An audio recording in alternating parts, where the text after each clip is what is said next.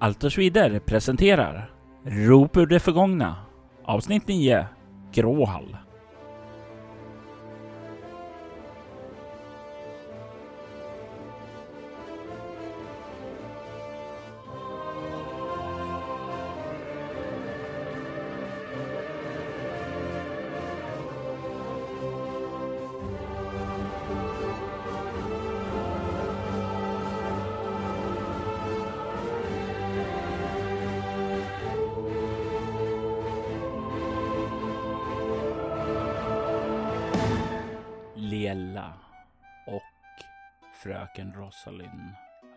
Sig bort ifrån farorna som finns där ute i vildmarken. Spöken, andar, gastar. Någonting är fel här i trakten. De har hävt några ankare som har, verkar ha bundit någon form av energikraft, varelse eller vad det nu än kan vara. Men de lyckades inte göra det i den senaste platsen, i Irskogen vid de gamla förstegravarna. De har tagit sig vidare till vad som de tror är den sista platsen. Gråhall. Ett slott som hade stått övergivet fram tills nyligen. Ett slott där baron Hanvar Markstrand hade slagit sig ned. Det var ett namn som eh, fröken Rosalind kände igen. Ett namn som hade en koppling till hennes familj. Eller koppling, samröre med skulle man kunna säga. Fröken Rosalind stod på sig och de fick ett förstligt mottagande. De fick ett fint rum, nya klänningar och ett ordentligt bad. Omsvidade och befriade från vägdammet så stänger de nu dörren bakom sig och börjar följa den tjänare som ska leda dem till baronen. Ni vandrar igenom den gamla fästningen och ni båda kan ju se att den är att den har varit väldigt, väldigt fin en gång i tiden. Men allt som är fint och som inte underhålls kommer att förfalla. Det kommer att vittra och i slutändan dö. På många sätt precis som mänskliga liv också gör. Det är en kamp som pågår i dessa slottshallar. En kamp om att bringa det till liv igen, att få det behagligare att vara här. Men det är, är en känsla av död som ekar ifrån det förgångna. Och det är nästan så ni kan höra rop från svunna tider. Ni rör er bort emot en stor trappa och eh, kan höra och känna säga ja, eh, eh, baronen väntar uppe i kungssalen där uppe, högst upp på er. Så jag, jag ska ta och eskortera er dit, fröken Rosalind. Tack ska du ha. Han ner och bugar lite åt dig. Klart nervös av så här, här högborna gäster. Det är tydligt att du är viktig. Du å andra sidan Lela, du är ju i princip osynlig. Ingen bryr sig om en tjänare. Ingen annan än den som du ska tjäna, det vill säga. Jag vill att ni båda slår ett slag för lyssna. Vilken var min bra tärning nu igen? jag kommer inte ihåg. Det, det var en tärning som du sa att jag hade gett dig. Den här var det tror jag. Ja, kan vara den. Fett nej på min lyssna. nej. 17 av 12. 19 av 14. Oh. Ni tar och följer honom och det känns som att det är en, en sån här kall ilning som går upp längs er ryggrad. Men det är, det är allt. Det känns obehagligt i det här slottet. Inte så mycket för att det är något fysiskt skrämmande, utan det känns bara så här. Det är nedgånget, det är slitet. Det kan rasa när som helst. Det är nästan den känslan man har. Du har definitivt varit i finare slott fröken Rosalind. Din mor skulle inte besöka det här under tvångens. Du däremot Lela, det här är ju det enda slottet du har varit i. Wow. det är nog väldigt mycket stora ögon och typ så här oj vad högt i tak det är, oj vad liksom stort och byggt det är om man jämför med andra byggnader man varit i. Bara, Bor du så här? Eh, nej, Men har inte du varit i ett slott innan? jo men, men alltså jag, jag, jag bor finare än det här. Va?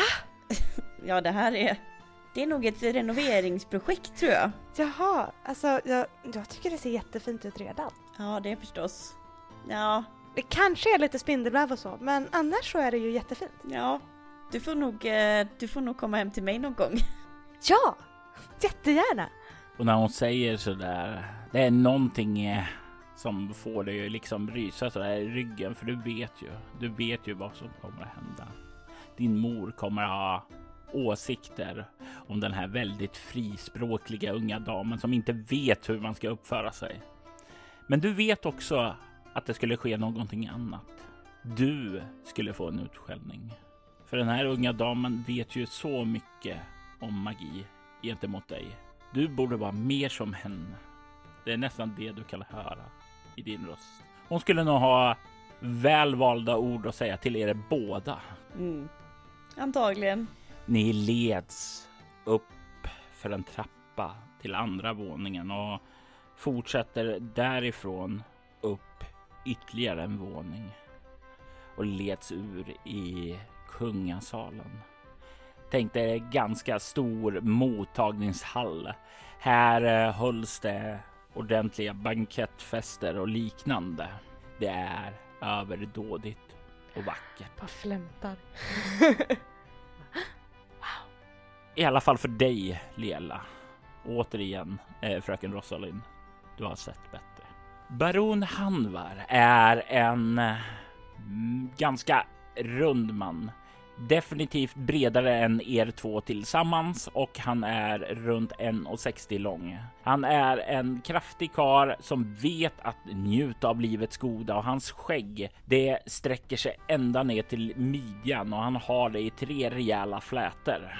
Och eh, håret har börjat gråna, men eh, inte skägget. Skägget är fortfarande rött och det tyder ju på att han han har en viss eh, fåfänghet eftersom han färgar sitt skägg fortfarande så att det behåller sin naturliga färg.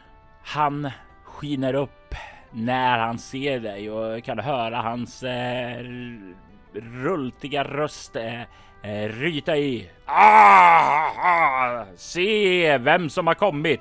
Fröken Silvergripe. Så trevligt att se. Han reser sig från stolen där han sitter och börjar eh, ja, rulta fram till er för att fånga dig i en kram. Lite så här, inte enligt etikettsreglerna, men snarare så här att eh, det är väldigt familjärt. Hur reagerar fröken Rosalind på det?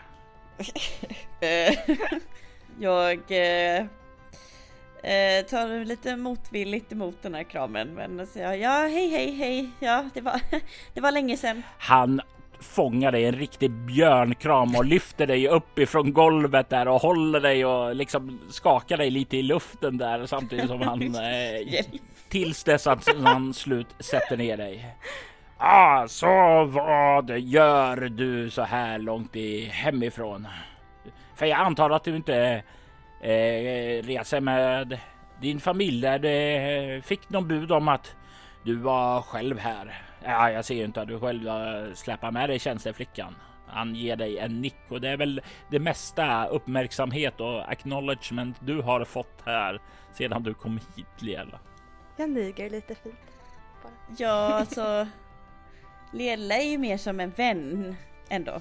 Jaha, eh, jag ber så mycket om ursäkt. Jag blev informerad att du reser med en tjänsteflicka, men om det är din vän så han vänder sig mot dig Lela. Uh -oh. Och du ser de här armarna är på väg att omfamna dig också. Att det är lite av både och. Lite tjänsteflicka, lite vän, du vet. dina protester kommer något för sent. Björnkramen omfamnar dig också. Han skakar om dig också säger ah, Trevligt att råkas. Ja, jättetrevligt. Och han sätter ner dig. Baron Handvar Markstrand här om inte jag blivit påpassligt eh, introducerad sedan tidigare. Men eftersom jag känner fröken Rosalind Silvergrip här eller ja, rättare sagt hennes familj. Eh, jag har ju inte sett dig sedan du var eh, så här tvärhandhög, eh, säger han och mm. gör en gest eh, som är väldigt, väldigt kort. Eh, jag har inte sett dig sedan dess så eh, jag, jag kan ju inte säga att jag känner dig, men jag är bekant med familjen och är det någonting man kan säga om silvergripar så är det att de håller på etiketten. Ja, jo, ja, just det. Eh, så, kom, kom, är ni hungriga? Kan jag proppa er full med mat? Ja tack. Ja. Han vänder sig mot betjänten som har stått där precis innanför dörren. Se så där borta. Eh, du, du, hörde vad de sa. Hämta mat åt de unga damerna. Eh, absolut baron. Och sen så kan du höra hur de skyndar ut där för att meddela kökspersonalen. Kom, slå er ner här. Vilken ära det är att ha er här, men eh, får man eh, fråga varför? Är ni här för att inspektera slottet eh, åt er mor eller är det något annat som har fört er hit? Ja, vi är ute på en lång resa. Eh, ja, jag, jag håller på att lära mig mer om magi och vi råkade vara här i trakten så eh, tänkte vi, jag kände igen ditt eh, baner så tänkte vi att vi ville ha en rundtur. Ja, men absolut, absolut, det ska jag göra. Um, och jag, jag, jag, beklagar så mycket där eh, om dina problem, säger han och är lite så här urskuldande och kollar mot dig. Så här lite menande, ungefär som eh, jag vet hur din mor kan vara.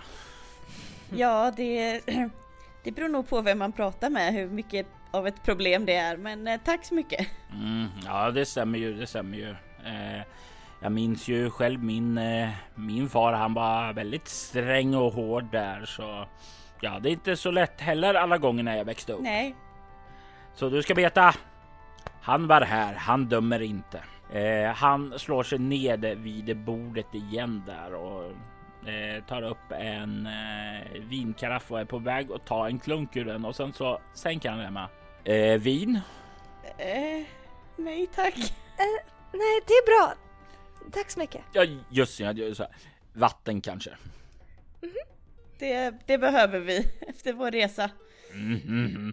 Han gör en gest åt en annan bekänt där i rummet som står borta vid så här litet eh, fikabord mer eller mindre och plockar upp lite plockar upp en karaff med vatten och kommer fram och häller upp det i glas åt er.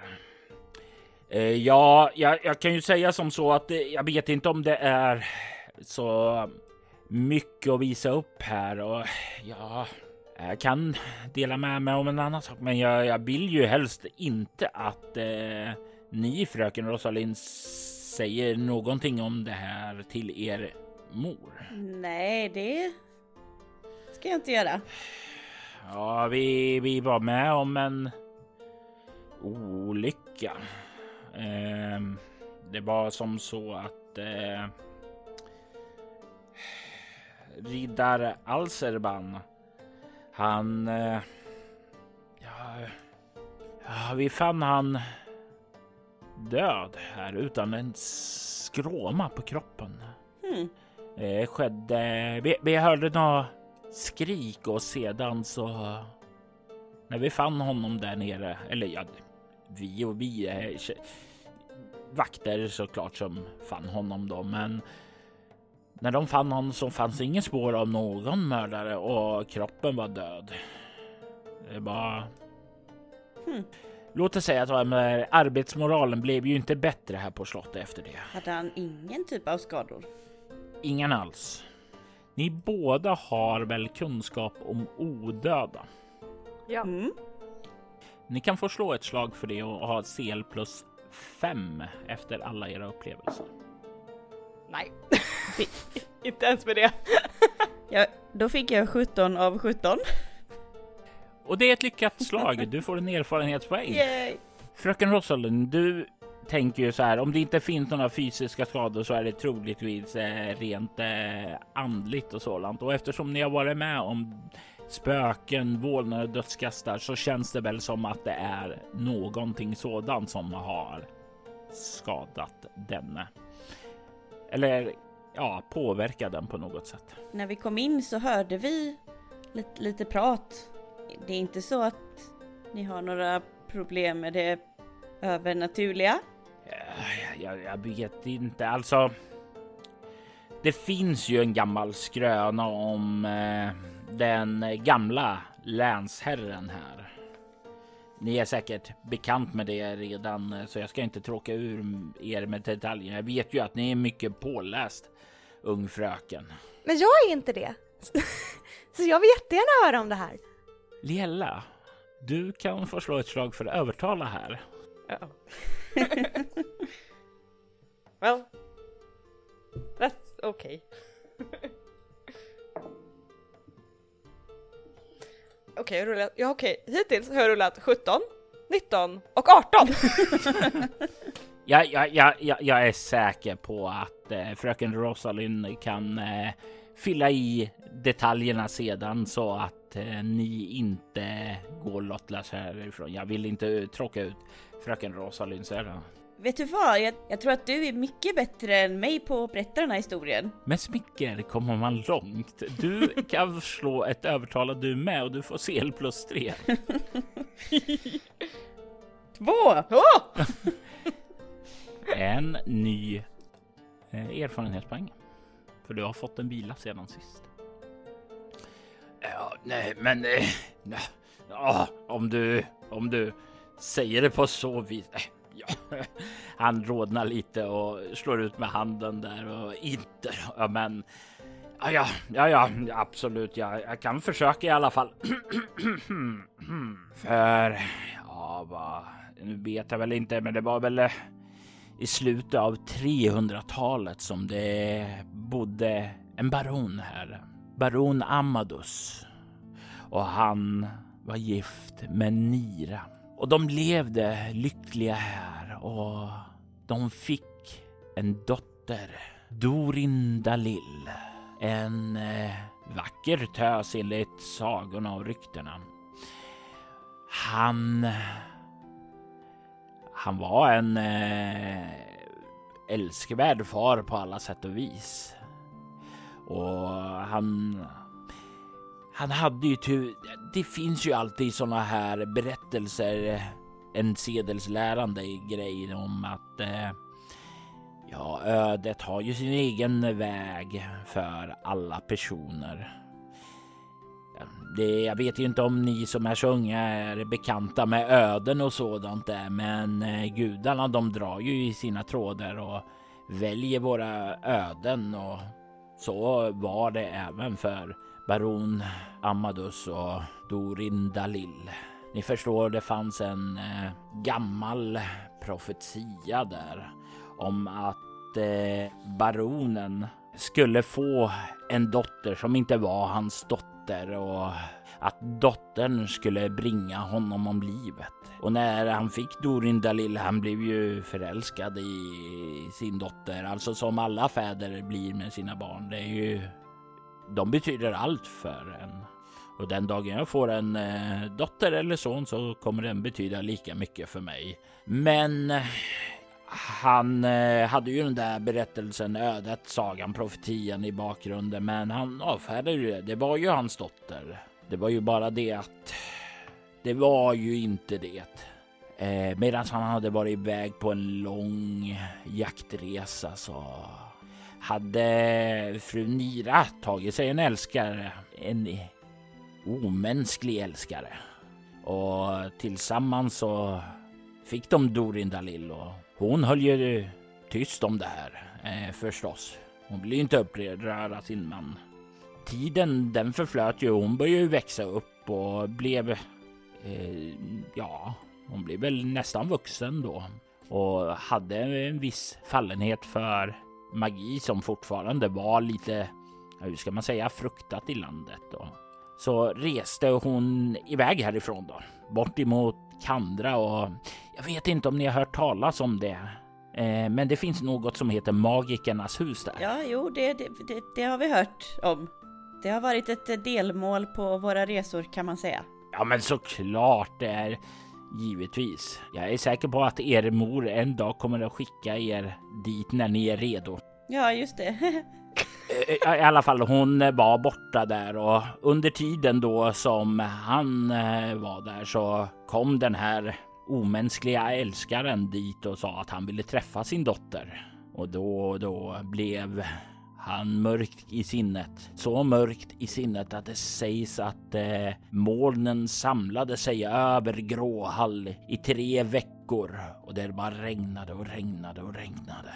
Så arg i sinnet var han. När Dorindalil kom tillbaka så kände hon ju att något var fel. Men eh, fadern höll ilskan inom sig. I alla fall innan den dagen som berättelserna är lite otydliga där. Jag har hört vissa berättelser som säger att hon dog i en sjukdom som hon fick efter ett gräl med sin fader. Andra säger att eh, bybefolkningen här om trakten där fick reda på att hon eh, var, ja, behärskade magi. Det var en trollpacka. Och häxor, ni vet ju vad man gjorde med dem på den tiden. Eh, ja, ni förstår ju att det fick ingen lycklig slut. Morden dog av sorg därefter och fadern dog av ett mörkt hjärta.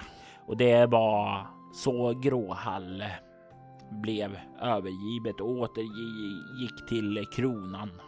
Och ja, det är ju som sagt var nu som först som någon har tagit sig an det här och det är ju rätt mycket att restaurera får jag säga. Eh, jag, jag, jag svär, det kommer att bli jättefint här och din mor kommer vara jättevälkommen att besöka det här stället. Men låt mig bara fixa upp det så att det är upp till hennes eh, godkännande. Ja, jag har inte tänkt att skicka hit henne. Du är mig då en ängel, fröken Rosalind. Eh, ja, men eh, vad var det för pappa hon hade då?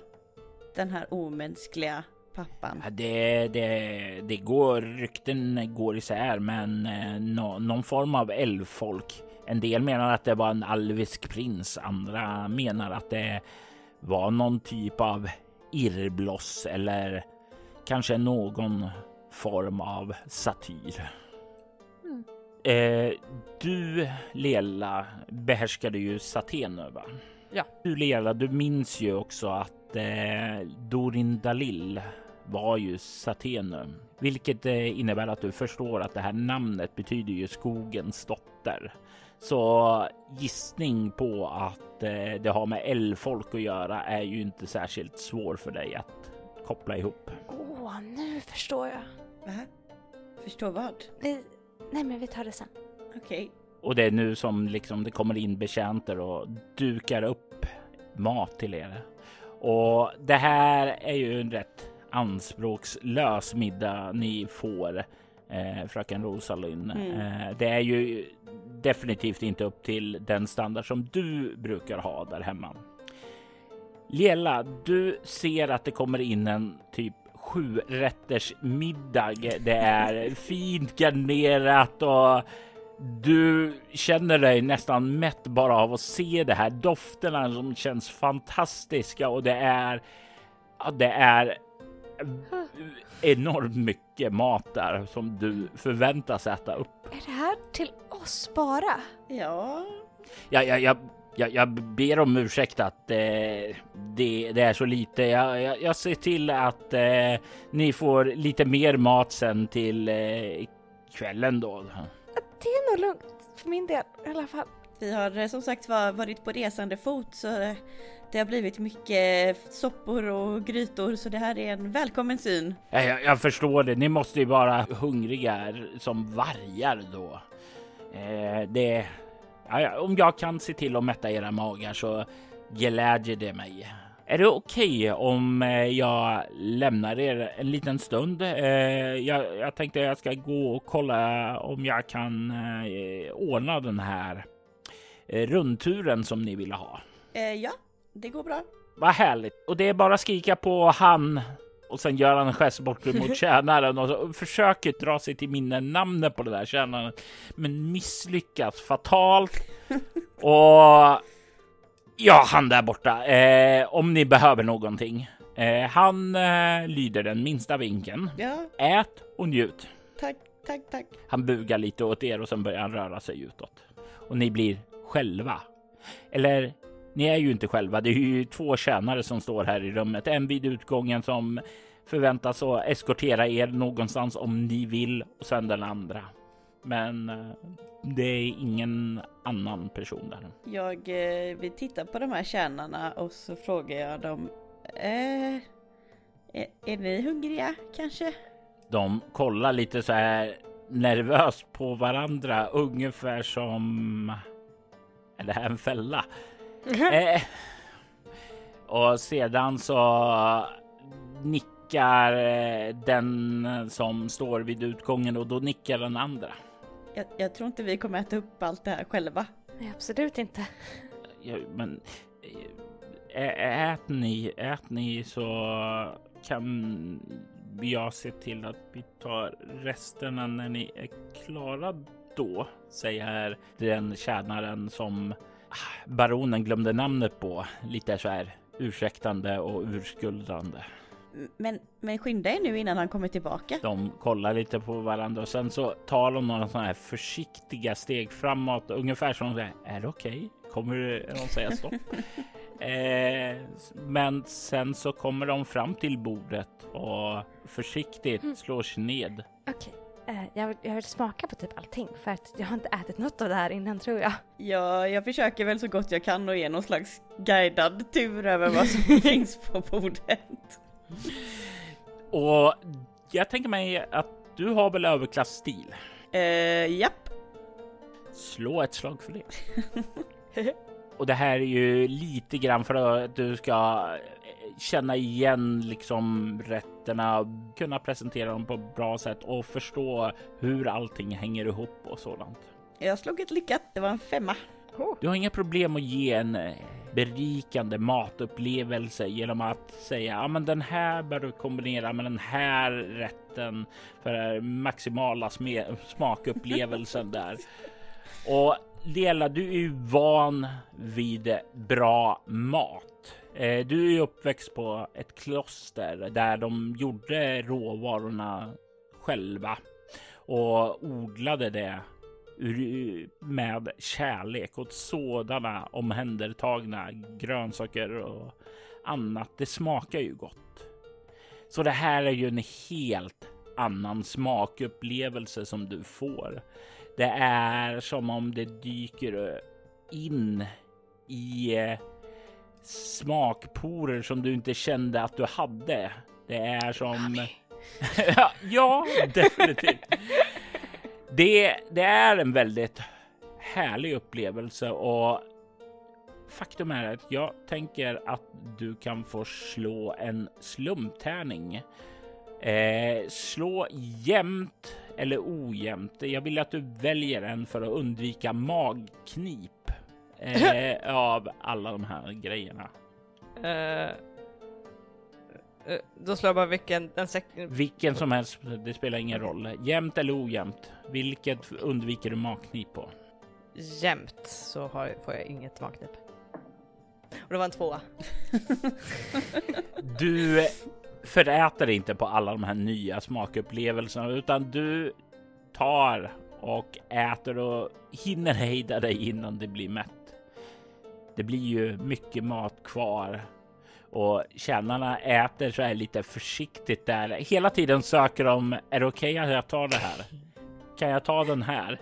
Eh, den typen av saker. De eh, är väldigt, väldigt försiktiga och respektfulla. Men samtidigt så är de, känner de sig väldigt privilegierade att få sitta här och äta med er. Och ni tror ju definitivt att eh, de kommer vara väldigt, väldigt väl inställda till er också. Trevligt, en, trevligt en middag bara.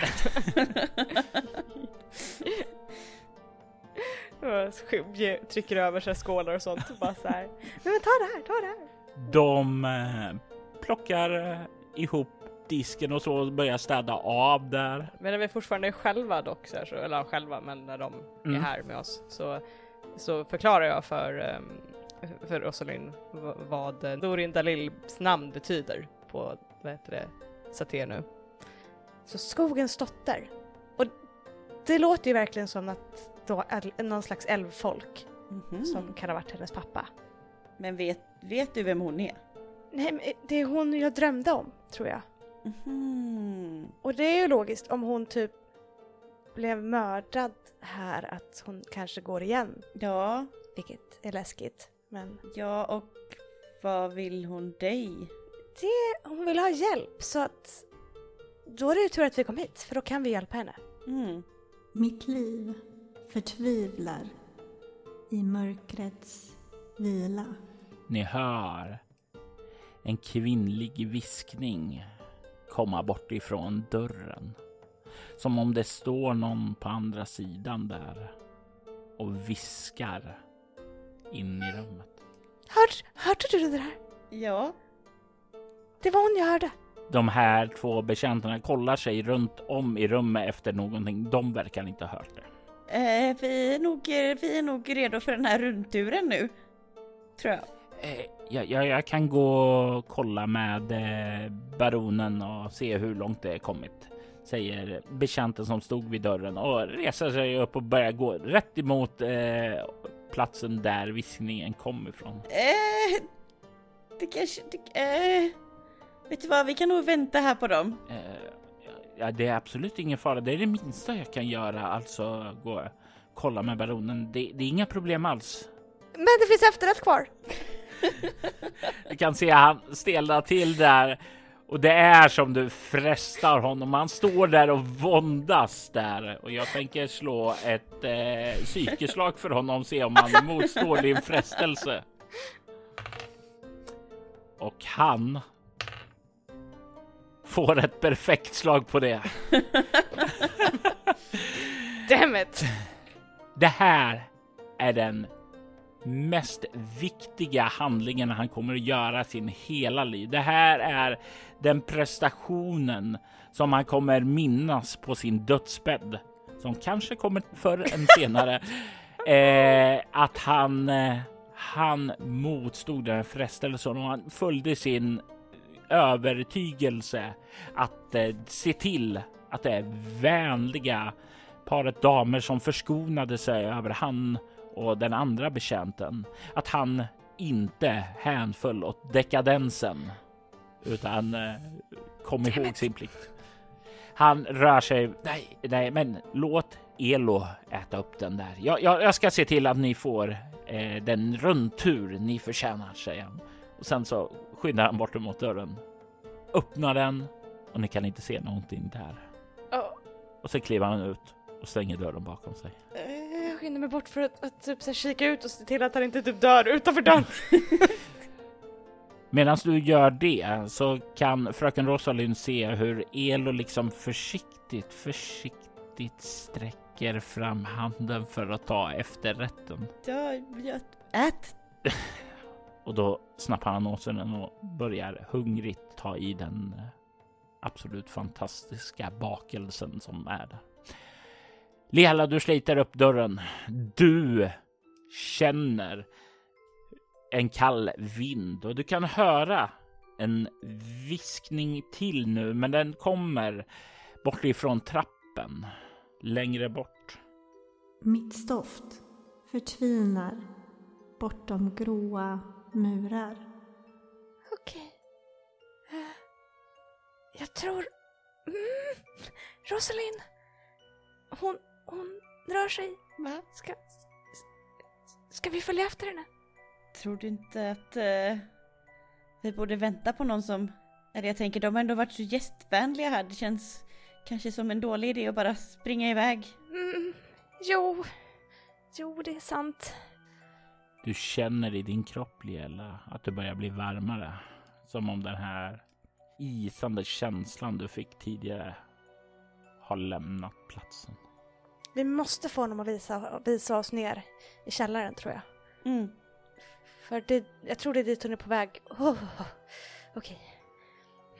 Stänger försiktigt dörren och rör mig tillbaka. Det dröjer inte allt för länge utan det, eh, det blir till slut att betjänten kommer tillbaka och eh, har med sig baronen.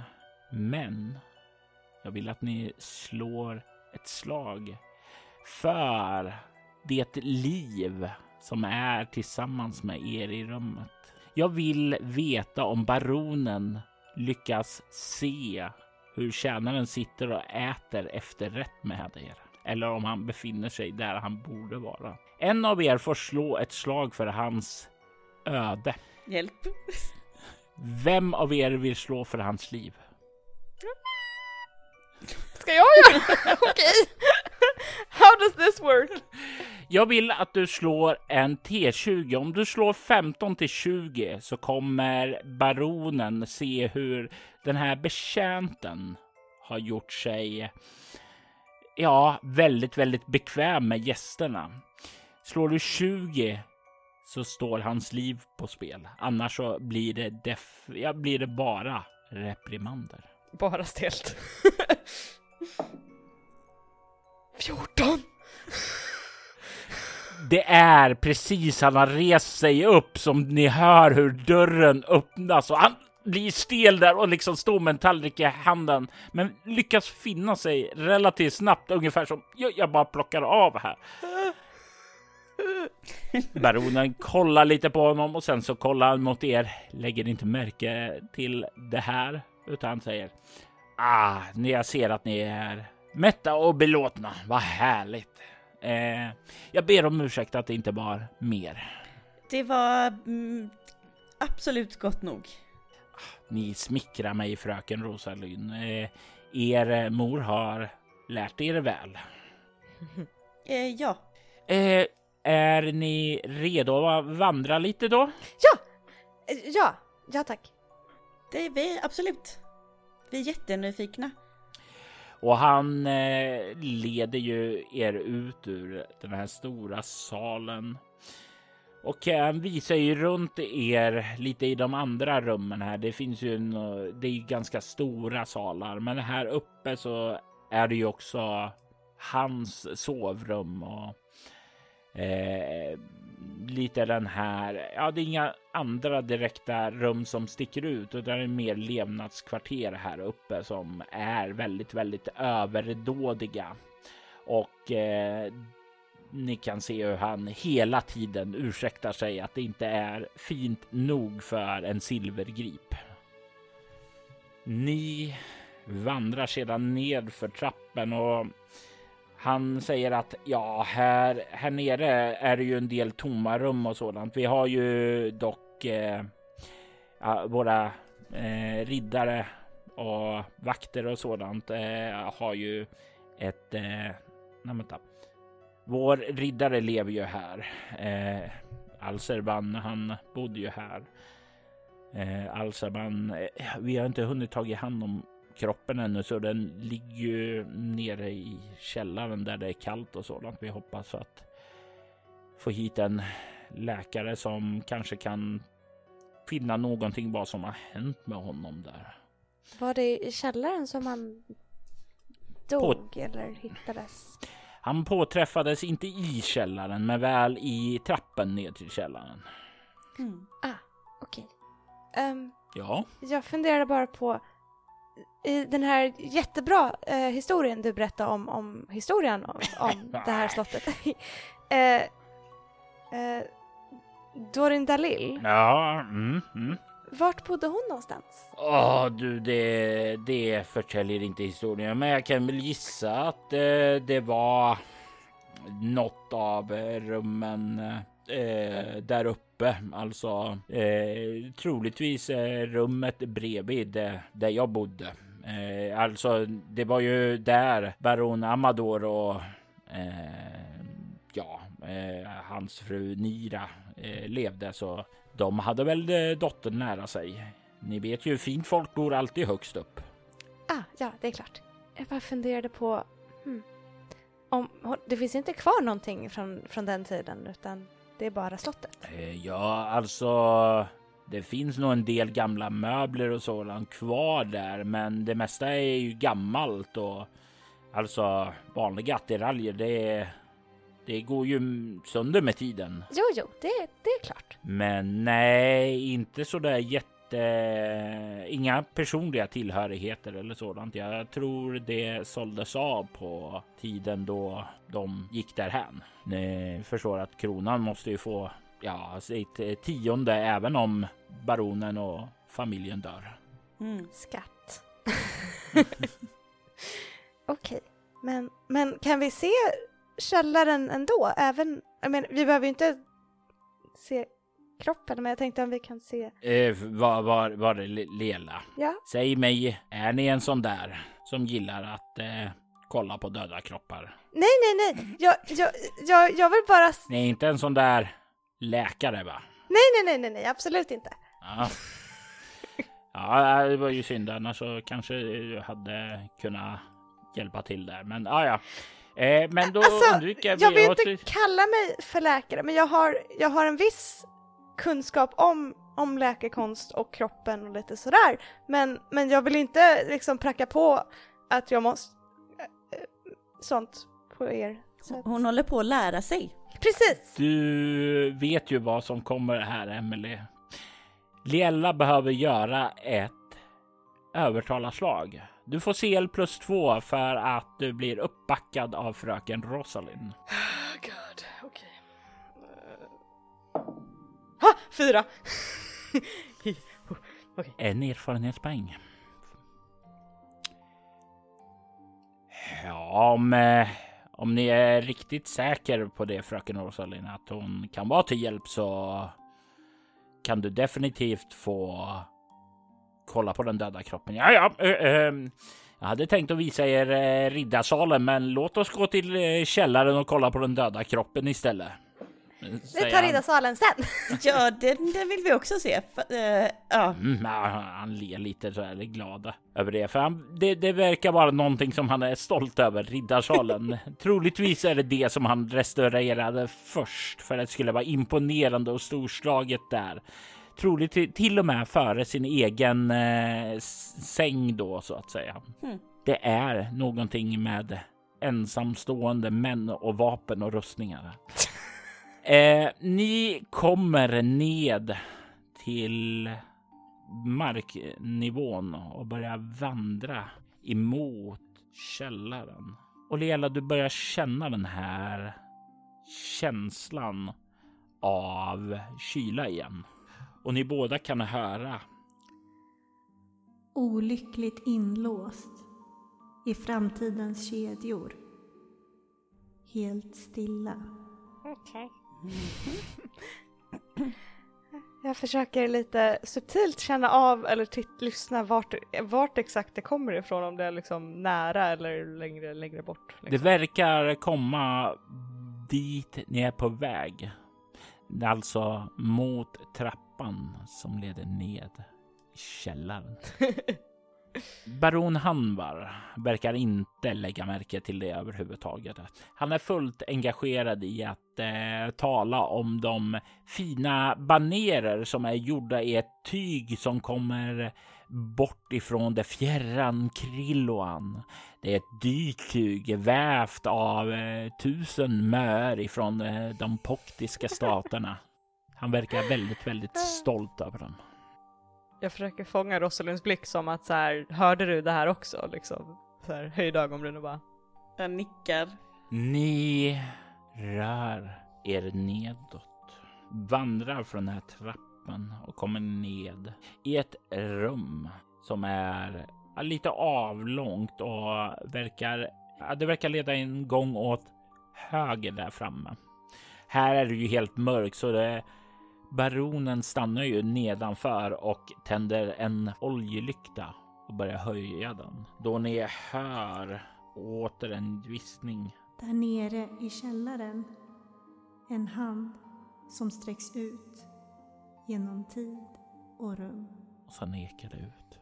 Är vi säkra på att det här är en bra idé? Ja, det vet jag absolut inte om det är, men eh, nu sa fröken Rosalind att eh, den här unga damen var en eh, blivande läkare, så absolut. Eh, det, om, men om ni vill eh, vända er om och den unga damen har fått kalla fötter så kan vi vända om. Ingen skam i det. Nej då, nej då, det kommer gå bra. det kommer gå bra. Han börjar vandra vidare då. Tittar lite nervös på Rosalind, men Jag försöker liksom gestikulera till Liella att tänk om det är en ond gast. jag, jag, jag liksom bara så här rycker lite på axlarna som att så här. Vad ska vi göra annars liksom? Ni hör den här rösten viska när ni tar de första stegen efter honom. Och det är som den hörs precis bakom era nackar. Och det får nackhåren att resa sig upp. Eh, Ja, vi ska! Viskar jag lite så här tyst så här. Det är det vi håller på med. Jag vill att ni båda slår ett finna dolda tingslag med CL minus 10. minus 10? What? Yes. Då måste jag få ett. Ja. Same! Eh, 18. Den ena siffran var Ja, rätt. 19 så det var i alla fall inte en 20. Det går bra för er. Ni slår högt där. Ni ser hur baron Baron han bara stannat där borta vid gången och kollar bort tillbaka mot er och säger Ja, ja, kommer ni då? Ja, ja, jo, ja. Ja. Skyndar. Och när ni skyndar bort där så känner ni genast att ju längre in ni kommer i mörkret, desto varmare blir det. Ni leds ut i en eh, ganska skitig eh, källare. Det finns mycket bråte här, men det värsta bråtet är det på det bord som är täckt av ett lakan och ni kan se hur det är format som en kropp och baronen gör en gest. Där vilar han nu, riddar Alserban. Eh, om ni vill göra en undersökning så eh, är ni välkomna att göra det. Eh, jag kan ju inte säga att jag är särskilt eh, bekväm här nere, eh, så jag lämnar er här nu. Eh, jag ska bara tända en eh, lykta här så att ni har någonting att se med och sen så väntar jag där uppe. Ja, jag skulle precis fråga om du kunde kanske lämna lite ljus till oss här. Ja, ja, ja, men absolut. Lite ljus ska ni få, eh, säger han och tänder upp en fackla och kliver fram med den eh, till dig då, eh, fröken Rosalind och räcker över den. Jag tar den. Och sedan så kan ni se hur han börjar vandra därifrån med raska steg. Ni båda kan ju lägga märke till att han inte verkar särskilt bekväm här nere. Det är som om man kan känna att någonting är fel, men hans eh, stolthet förbjuder honom att eh, erkänna det, både för sig själv och för andra. Det är varmare här inne än det var där ute. Känner du det? Ja, Hmm. Så det vi letar efter är nog inte på den här kroppen men det är väl lika bra att kolla på han så att vi har något att säga sen. ja nu måste vi nog det. Ah, Okej. Jag eh, drar undan det här skynket lite för att börja undersöka kroppen lite. Du kan se att det är en robust karl klädd i en nattsärk. Du kan se att hans skägg har blivit vitt och så hans hår. Du kan dock ana att det finns en del mörkbruna strån kvar i skägget. Det är det som gör dig säker på att skägg och hår har blivit vitt och inte redan var vitt. Annars brukar det ju vara tvärtom. Man kan finna grånande hårstrån, men här så verkar det ha skett snabb förändring. Och jag tänker att fröken Rosalind kan förstå ett kunskap om odöda samtidigt som Lela får göra ett slag för läkekonst. Mhm. Oh, 13 av 13. Sju av tolv. Fröken Rosalind, alltså du drar ju slutsatsen där att du har ju hört och läst om eh, vad heter det, personer som har utsatts för eh, skrämmande spökattacker och hur deras hår har vittnat och Mm. att sådant som sagt var kan döda. Så det är väl det du tänker också att den måste ha sett något fasansfullt. Lela, den här mannen är inte död. Ah! Han har en väldigt, väldigt svag puls och du skulle nog gissa att han ligger i någon form av dvala eller koma och det här är någonting som du är väl bekant med, för det är ett liknande tillstånd som den eh, den helgade ligger i. Det är samma typ av känsla att det är en person vid liv, men inte i vaket liv. Han, han är inte död. Va? Han lever. Jag tror han har blivit skrämd. Så han är skrämd in i typ, han, har typ, han är typ i koma eller någonting. Han kan inte vakna, men han är inte död. Mm. Vet jag, jag vet ju inte, jag vet att jag inte kunde hjälpa den helgade liksom, men finns det någon så här, vet jag hur man bör kunna hjälpa någon som är så pass illa därad liksom. Tillsammans så kan ni nog dra slutsatsen, dels utifrån vad ni känner till i, om spöken tillsammans med eh, den eh, ja, biologiska konsten, att eh, det är nog troligt att han kommer vara där tills den skräckkälla han såg har lämnat platsen. Vi kan hjälpa honom.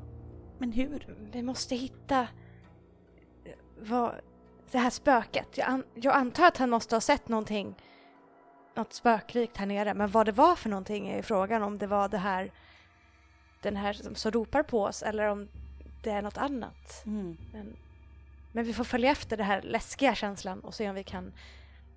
Jag kunde ju bli av med... När jag, när jag kastade skingra så kunde jag ju göra mig av med vissa grejer som var läskiga. Det kanske går här också. Mm. Obarmhärtigt inspärrad för min lärdoms skull.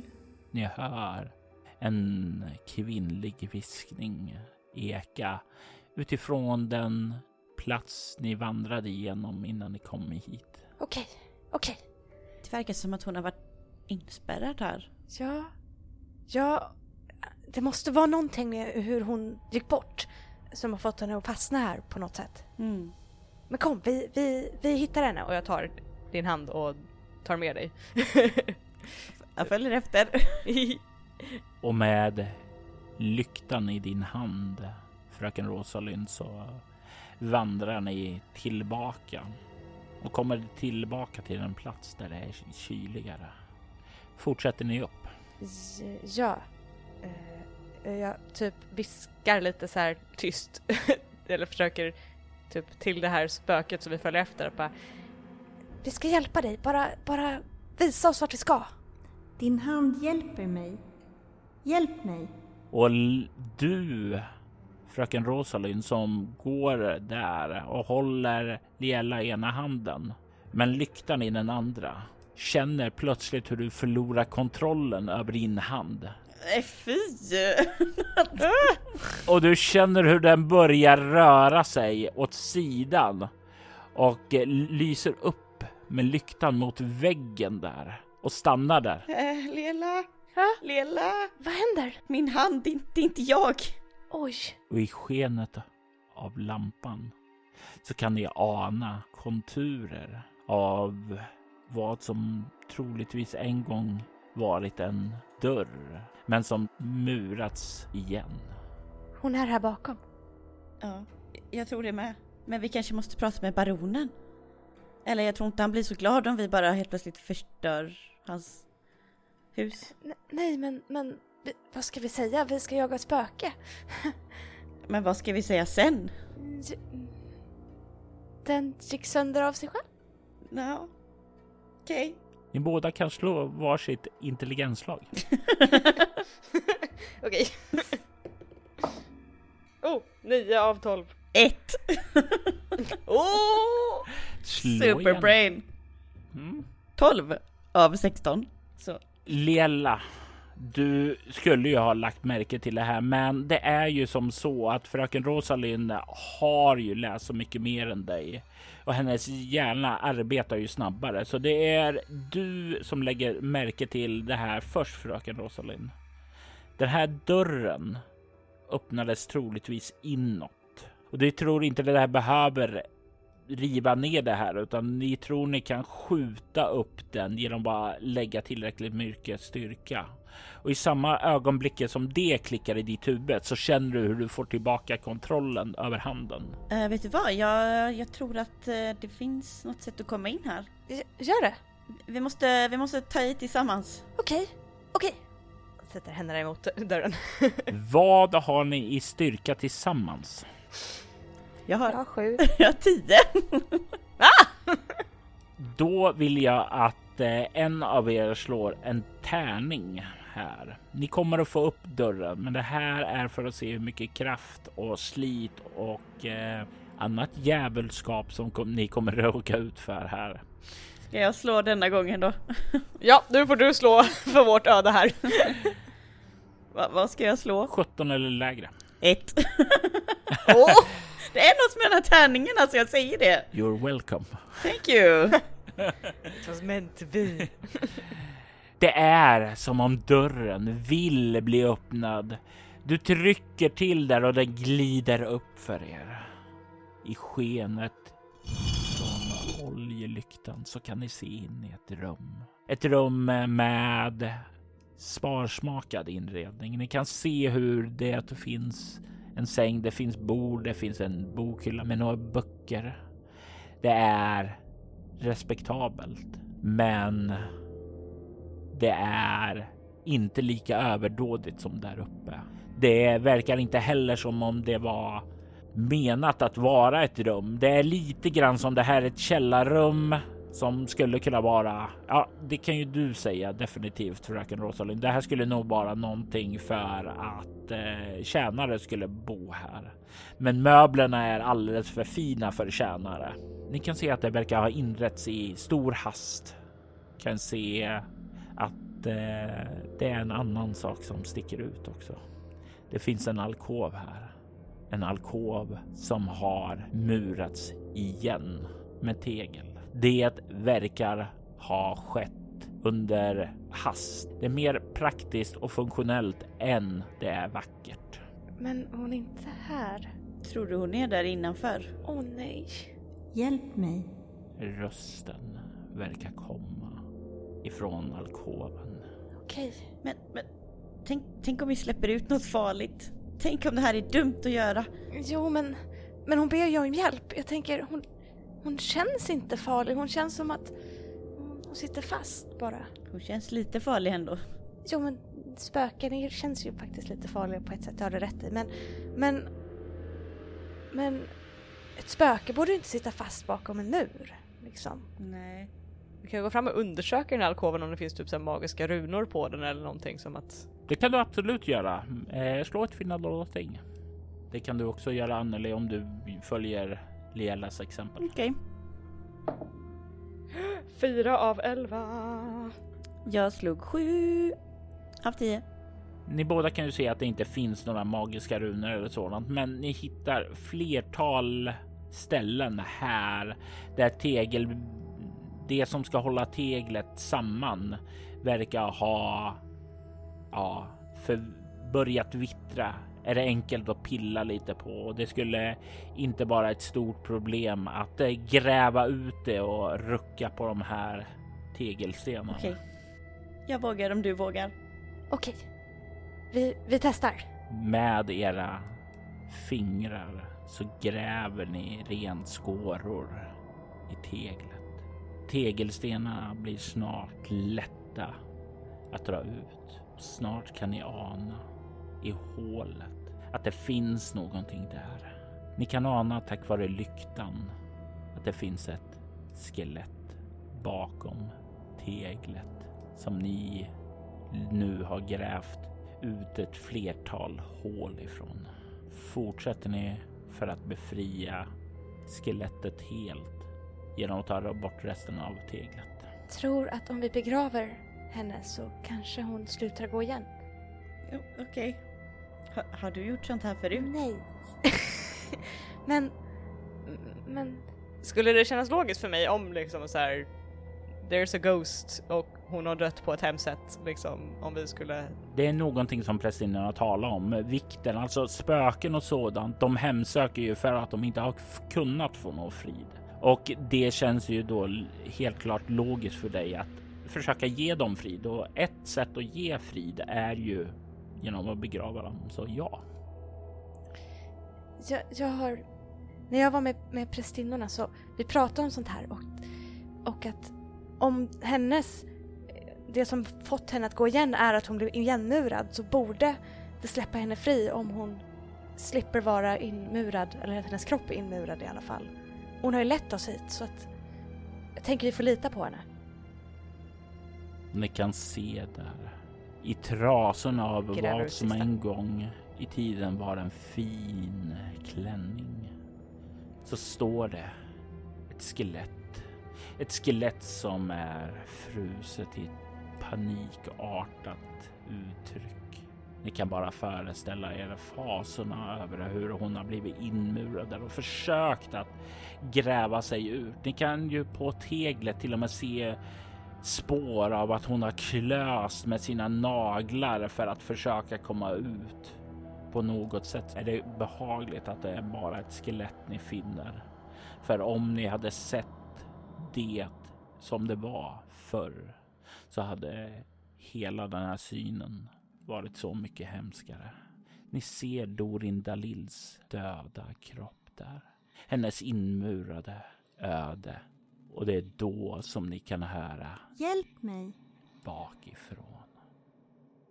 I detta avsnitt har vi Emily Drott som enhörningsflickan Lella, Anneli Thunberg som fröken Rosalind Silvergrip och Eva-Linn Karlsson som Dorin Dalil. Spelledare var Robert Jonsson som även stod för klippning och ljudläggning. Rop ur förgångna är ett äventyr som skrevs av Marcus Dorell Björkäng till tidningen Sinkadus. Den publicerades i nummer 32 och gavs ut 1991. Allt och Schwiders gjordes av Andreas Lundström. Övrig musik gjordes av Ager Sonus, Aski, Atrium Carceri, Derek and Brandon Fichter samt copyrightfri musik. Ager Sonus och Atrium Carceri är alla del av bolaget Cryo Chamber som ger ut stämningsfull och ambient musik som är perfekt vid ditt spelbord. Länkar till dem och andra artister finns i avsnittets inlägg. Söker du efter fler poddar i liknande serier som Allt och Schwider rekommenderar vi Solot-äventyret där vi spelar skräck och science fiction samt Valerie Chronicles där vi får följa en nybliven vampyr i en värld av mörker. Du hittar mer information om båda poddarna på bortom.nu. Du kan följa oss på Instagram och Facebook som Allt och Schwider eller Spela Bortom. Det går även bra att mejla oss på info.bortom.nu. Vill du stödja Roberts fortsatta kreativa skapande kan du göra det på Patreon.com snedstreck Robert Jonsson. De som backar får tillgång till material i form av extra poddar som till exempel Mutant Nova, en rollspelspodd där vi just nu spelar nya MUTANT. Jag är Robert Jonsson. Tack för att du har lyssnat. Vi vill ta tillfället i akt att tacka, hylla och hedra våra Patreon-backare. Daniel Pettersson, Ty Nilsson, Morgan Kullberg och Daniel Lantz. Ert stöd är djupt uppskattat. Tack!